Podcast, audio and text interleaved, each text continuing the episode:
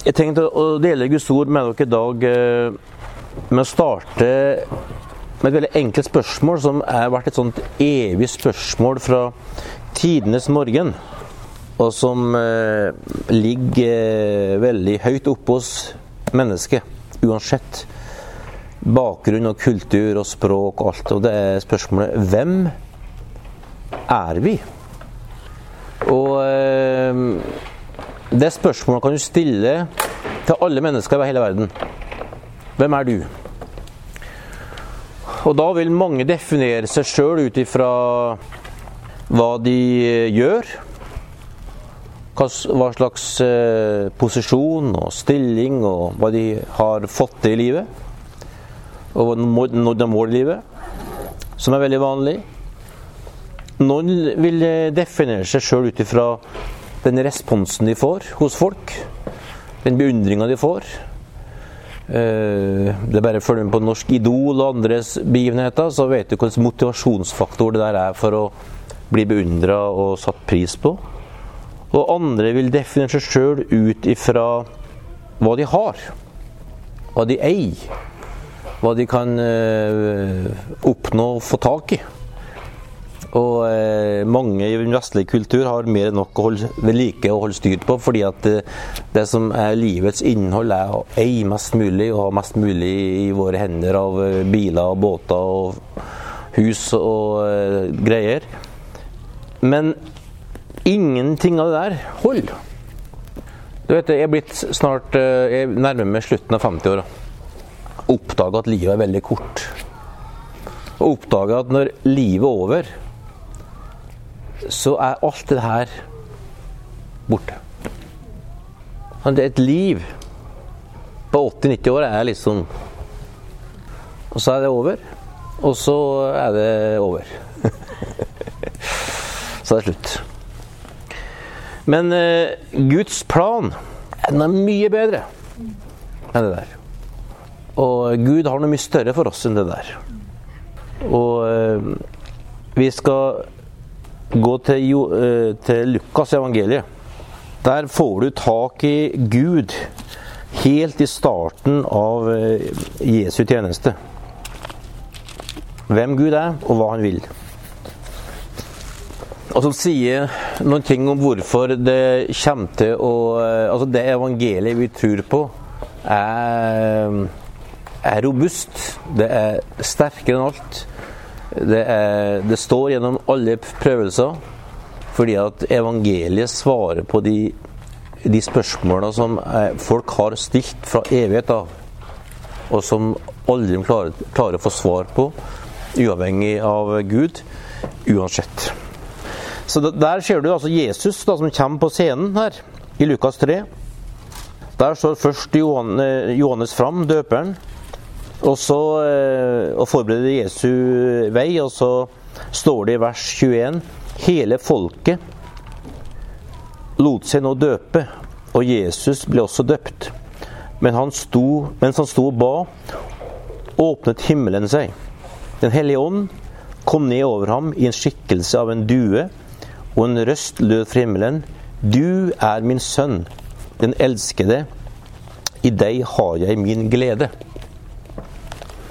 Det her var en uh, fantastisk start. Så her har Jesus ikke gjort noe som helst. Han har ikke gjort et mirakel. Han har ikke gjort noe, sagt noe, han har ikke forkynt noe. Han har kun vokst opp som en uh, ung mann i Nasaret. Vært på flukt til Egypt og vært med foreldrene sine tilbake til Israel der, og, og vokst opp og lært uh, å bli møbelsnekker. Og så eh, begynner hans tjeneste litt forsiktig ved at han da eh, lar seg bli døpt av Johannes. Og når han kommer opp av eh, vannet og ber til Gud, så kommer Gud og sier Du er min sønn. Jeg elsker det. Jeg har min glede i det. Er ikke det bra hilsen? Det er ikke noe, ja, det er håp for deg, Jesus. Du skal bli noe bra, du skal få gjort noe masse ting. Det kan bli bra, det her. Men han bare sier nei, du er bare fantastisk. Mm. Og så eh, kommer da eh, ånden over den. Og så går han, går han da videre i kapittel fire, og så møter han Satan. Full av Hellig Ånd. så blir han frista. Og da blir han frista på de tre områdene som vi blir frista på. Nemlig vi kan, eh, vi kan lese fra vers 1 eh, der, bare for å ha lest det. Så har jeg sammenhengen. Fylt av Den hellige ånd vendte Jesus tilbake til Jordan. Drevet av ånden ble han ført omkring ødemarken i 40 dager, og han ble fristet av djevelen. Han spiste ingenting i de dagene, og da han, det var gått en tid, var han sulten. Da sa djevelen til ham, er du Guds sønn, så si til denne steinen at den skal bli til brød. Men Jesus svarte, det står skrevet, mennesket lever ikke av brød alene. Så førte djevelen ham høyt opp og viste ham på et øyeblikk alle verdens riker, og sa til ham, jeg vil gi deg all denne makt og ærlighet. for Makten er gitt i min hånd, og jeg gir den til hvem jeg vil. Om du bare faller ned og tilber meg, skal alt dette være ditt. Men Jesus svarte ham, det står skrevet, Herren din Gud skal du tilbe, og ham alene skal du tjene.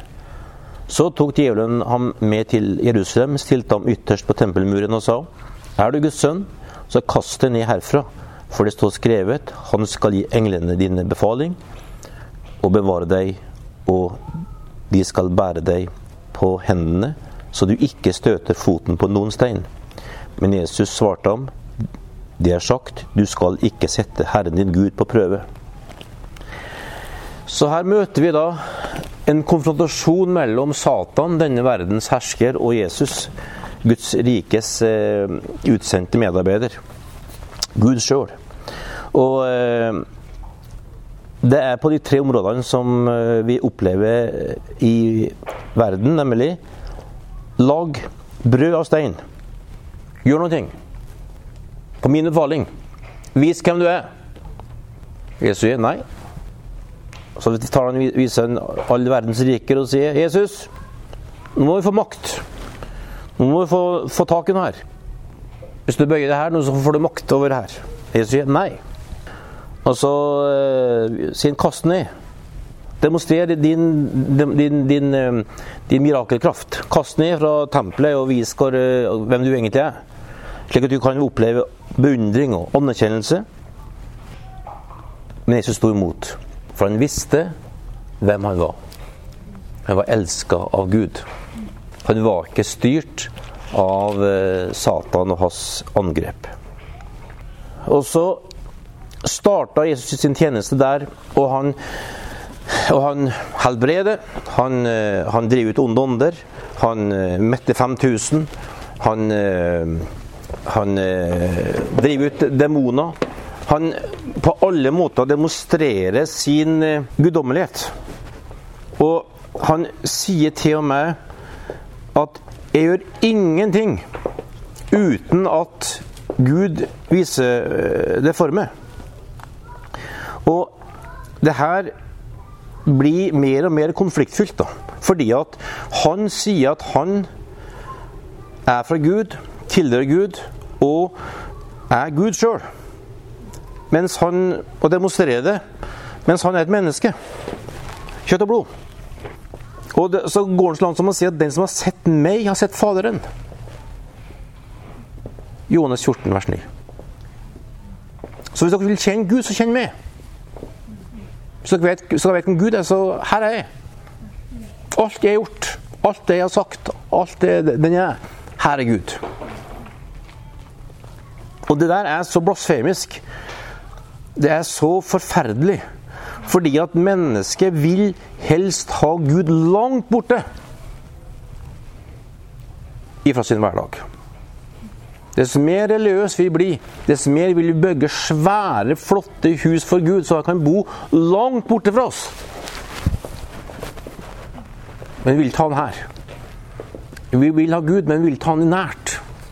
Vi vil ha Gud, men vi vil ha han på, på litt avstand, sånn at han kan være en, en for festlige anledninger og for visse situasjoner. Men han, han må ikke komme for nært oss, han må ikke komme inn i livet vårt. Det vil vi ha for oss sjøl.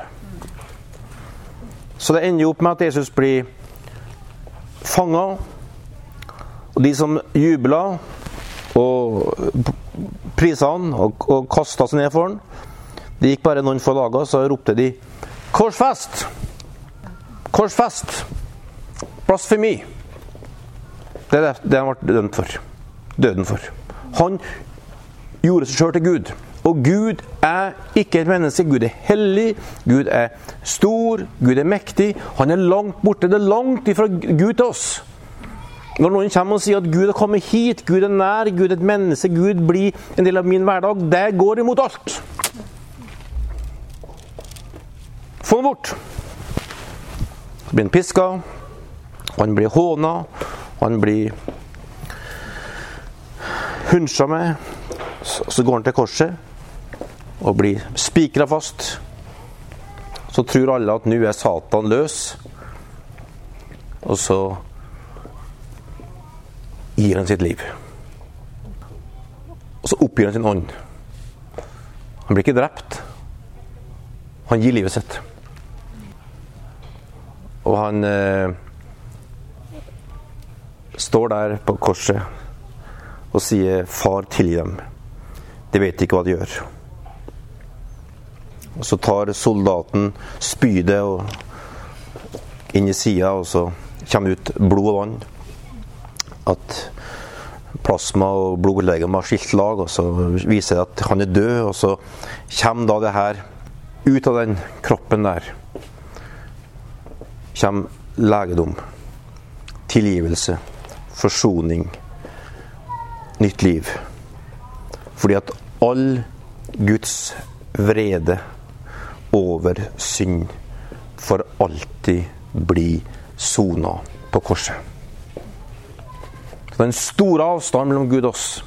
Den store, den store skillet mellom menneske og Gud. Den store kløfta som kom inn i historien med syndefallet, som vært uoverstigelig, som har gjort at Gud har vært umulig å forstå. Gud har vært vanskelig, Gud har vært krevende, Gud har alltid vært misfornøyd. Gud har alltid krevd når ikke vi har fått det til. Gud har alltid vært på kravsida, for vi har vært dømt til synd og skyld og skam og elendighet. Den blir for alltid fjerna slik at gapet mellom Gud og menneske er borte. Slik at Gud igjen kan ta bolig i mennesket. Halleluja! Så tredje dag så står han opp igjen. I dag feirer vi Jesu Kristi oppstandelse. Den største begivenheten i historien. Det er at døden som er den, den mest absolutte makta i verden, som alle må møte. Som alle, alle, uansett hvem du er, hvor rik du er, hvor, hvor frisk du er, hvor vellykka du er. Men døden er noe som alle mennesker, mennesker må leve med og møte. Den er for alltid beseira. Jesus Kristus, han sto opp fra døde. Fysisk. Så han sto opp og viste seg for disiplene. Og han sa se her. Her er merka etter døden. Her er merka etter at jeg har vært død. Her er, her er merka etter spydet. Jeg har fått en ny kropp. Jeg kan gå gjennom vegger. Jeg har, jeg har en tetthet som gjør at jeg kan gå gjennom alt som tilsynelatende er tett her. Jeg er ikke her i verden. Men likevel så er det en uh, merke av en kropp som dere kjente igjen, så han var gjenkjennbar.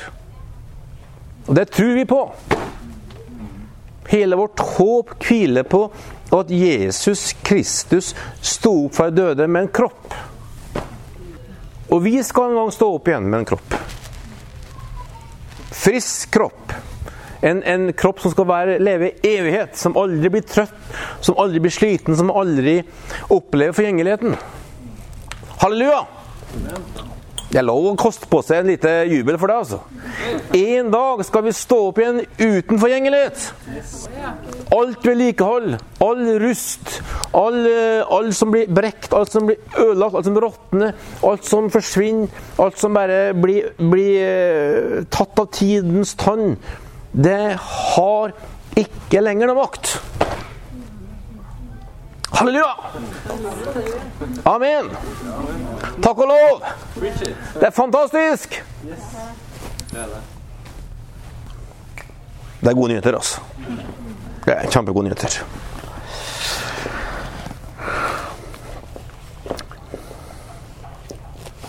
Og så er det første Jesus sier etter oppstandelsen, er fred. Og jeg tror få skjønner hvor utrolig eh, hvor, hvor profetisk det utsagnet var, og er, i vår verden. Så jeg husker så godt i 1989-90, når hele, eh, hele, muren falt. Vi som var født og oppvokst etter i, i 50-, og 60- og 70-tallet med, med, kald krig, med trusler om, eh, om øst, kommunisme som opplevde å, å bli ja, Vi skal ikke gå inn på det, men det var, vi var bevisstheten om at kanskje kommer kommunistene og tar over. Kanskje blir invadert fra, fra, Russland. Det var så høyt oppe. I militæret var i tolv måneder. Jeg gikk på hele tida. Det var hele tida snakk om det her. Det var Polen-krise. Og vi fikk utlevert skarpe skudd og gikk inn ut i telt i natta. Og, og det fikk inndratt eh, permisjon til jul. For her var det Polen-krise, og Nato var mobilisert, og det var uh! Så kom 1990, 1991, og så tenker vi nei, nå er det fred. Nå er muren falt, og mennesket ordner opp, og mennesket har fred og ingen fare. Og så er vi tilbake i 2017 igjen, der, der terror og djevelskap og vold og krig og, og er så nært på livet som vi opplever akkurat disse dager. Og, eh, og det er en reell utfordring. En frykten folk må oppleve. Så har vi et budskap som eh, sier fred. Fred være med dere. Jeg tror Gud driver og sette opp Europa til vekkelse. Jeg tror Gud driver og, og forberede Europa til vekkelse. Jeg tror ikke Gud står bak det som skjer, for all del. Eh, bare så ikke det er misforståelsen her. Men jeg tror Gud er herre, historiens herre. Jeg tror Gud vet hva som skjer, og vet at alt som skjer som den onde prøver på, blir snudd til Guds fordel. Akkurat som korset. Jesus ble, overgitt til den onde. Han hunsa med han, han ble korsfesta, han ble plaga. Alle trodde nå er Satan fri til å gjøre hva han vil. Nå er djevelskapen har fritt spillerom. Verdens beste person, som har metta tusener, som har vekt opp døde, som har vært, eh, gjort mirakler og, og helbredelser. Møtt kvinner som ble kasta ut, møtt ungene, møtt enkene, de utståtte. Han som er de spedalskes beste hjelper. Han den beste av alle blir tatt livet av! Nå er djevelen fri! Men i det så var Gud større. Og et siste ord. Slik at det som døden kom og gjorde, det brukte Gud til å reise opp Kristus som herre og konge. Akkurat det samme skjer nå, tror jeg, da. I Europa. Jesus er fredsfyrsten. Han skal forandre Europa. Så det er, det er fantastiske nyheter. Og så, og så møter da disiplene Jesus her etter oppstandelsen. Eh, på øh, øh, og, og, og, og her får du da det her fantastiske som er evangeliets hemmelighet. Nemlig at Gud har valgt å bo blant mennesket, i mennesket. Han vil igjen ikke komme med kravspekken og si 'lev sånn, lev sånn og lev sånn', så går det kanskje bra. Nei, han vil noe helt annet. Han vil komme sjøl og ta bolig i oss. Det eneste han krever, det er at vi vender oss om fra oss sjøl og kaster oss på han.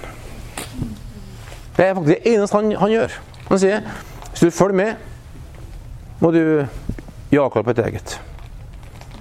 Hvis du vil følge med, så må du omvende. For himmelriket er nær.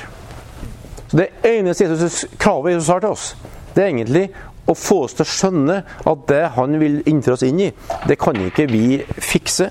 Det kan ikke vi få til. Det kan ikke vi eh, matche. Det eneste vi kan gjøre, det er å kaste oss ned for han. Og så Jesus ta over. Og Disiplene som møtte han, de visste hva det her var snakk om. For de har vært gjennom det her med å være tøff, å være sterk, å være modig. Og være alt det der, og de var høye på seg sjøl helt til Jesus ble korsfesta. Da hadde de alle svikta, de hadde alle eh, vært feige, de hadde alle rømt. De var, bare, de var bare blitt avkledd og avslørt. De var noen feiginger som svikta Jesus og hadde ingenting å stille opp med. Så de bare møtte Jesus etterpå og sier, 'Herre, vi er ferdig.' Helt riktig. Dere, dere, dere, er noe, dere er noe ordentlige Men han sier Han visste at her tenkte han det. Men han sier 'fred'. Det handler ikke om dere, Det handler ikke om hva dere får til. Det handler ikke om hva dere, dere kan. Det handler om én ting. Jeg, Jesus Kristus, har seira over døden. Jeg har all makt. Dere har ett alternativ. Kast dere på meg. Kast dere ned for meg. Ta imot mitt liv. Og som eh, i evangeliets form i apostelgjerninger 2 blir omvend dere og la dere døpe, dvs. Si, bli begravd det gamle. Den gamle Peter. Død. Oppstått en ny Peter. Fantastisk. Og da starter da det her fantastiske livet da, som Jesus inviterer oss inn i. Nemlig at han ikke kommer utenfra for å fortelle oss ting som vi må gjøre. Han tar bolig i oss ved sin Hellige Ånd. Så sier han da til dem, nå refererer jeg fra Johannes 20 Slik Gud sendte meg, sender jeg dere. Ta imot Hellige Ånd. Så blåser han på dem. Og det er Det er bare fantastisk, altså. Det er at du og jeg ikke først og fremst er trøndere eller østlendinger eller lærere eller leger eller foreldre eller friluftsfolk eller datafolk eller brannsupportere eller RBK-supportere eller hva det er. Vi er først og fremst Guds barn. Først og fremst er vi det Jesus sjøl opplevde. Han sto fra dåpen gjorde han. Dette er min sønn. Dette er min datter. Min elskede. Som jeg har stor glede i. Er ikke det herlig å, å, å vite at det er sånn det er? Ikke fordi at du har fått det i deg sjøl, men for at Gud har skapt det og gitt sitt liv til det. Kan ikke du snu deg til noen ved siden av deg, og si de ordene? Hør de ordene. Du er Guds datter. Elsker Gud. Og han fryder seg når han uh, Bruk de de ordene du uh, sjøl uh, finner. Men det her er sannheten fra Gud. Det her er, det her er ikke noe som avhenger av din, for, din form. Det avhenger ikke av din, hvordan uka har vært. Det har kun sin rot i Gud og hvem han er, og Jesus Kristus. Det er den stemmen du hører hver morgen når du våkner om morgenen, som er den stemmen Hellige Ånd som bor her. Du tror på Gud, tatt imot evangeliet, vent om fra deg sjøl, at du døper, kom opp av grava, et nytt liv. Jesus bor her. Den stemmen du hører, den hvisken i ditt øre, i ditt hjerte Helligånd sier til deg hver morgen Du er min elskede. Du er født av meg. Du er, har Guds liv i deg. Du er fantastisk. Halleluja. Dagen venter på deg. Dagen har, har noe godt her. Du er min. Du er sendt av meg. Min ånd har blåst på deg. Ta oss, ta oss gjør det.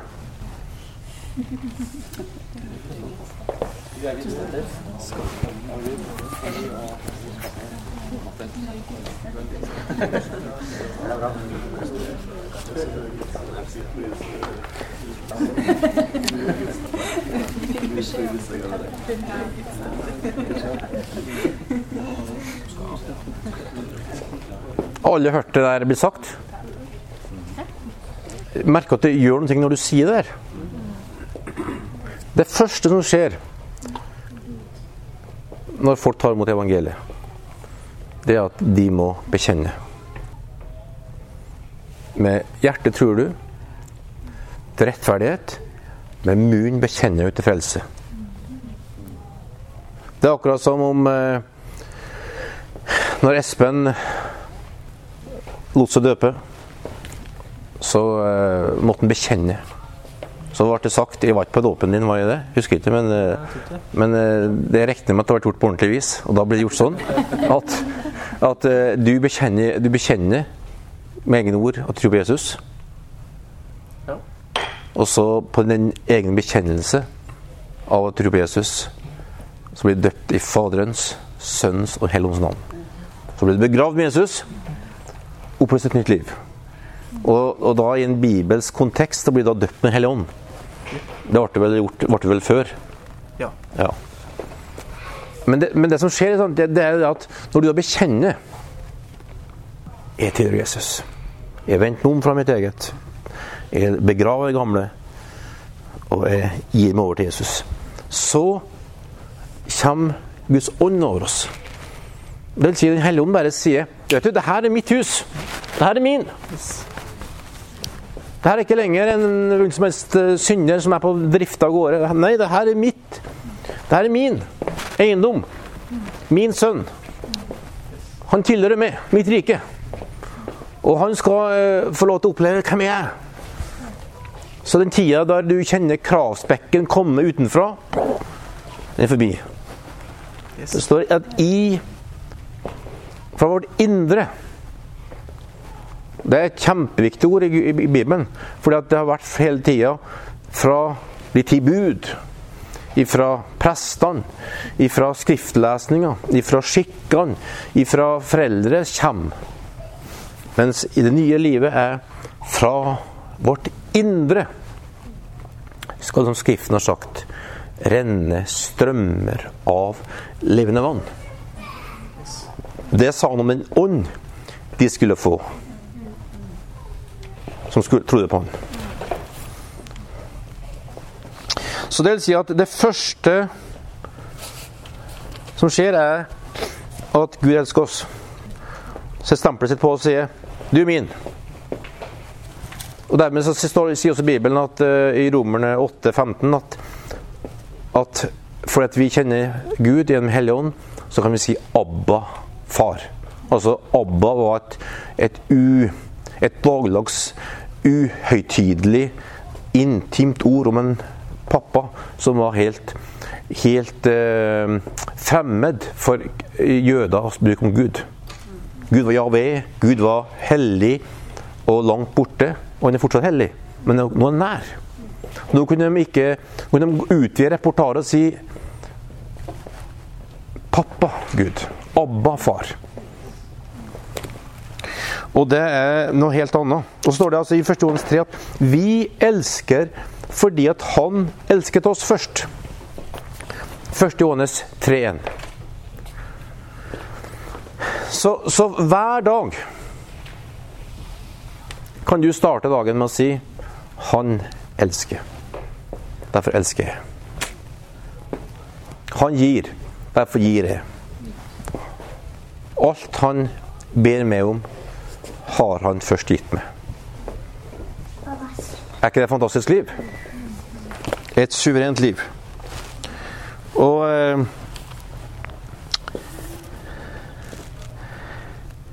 eh,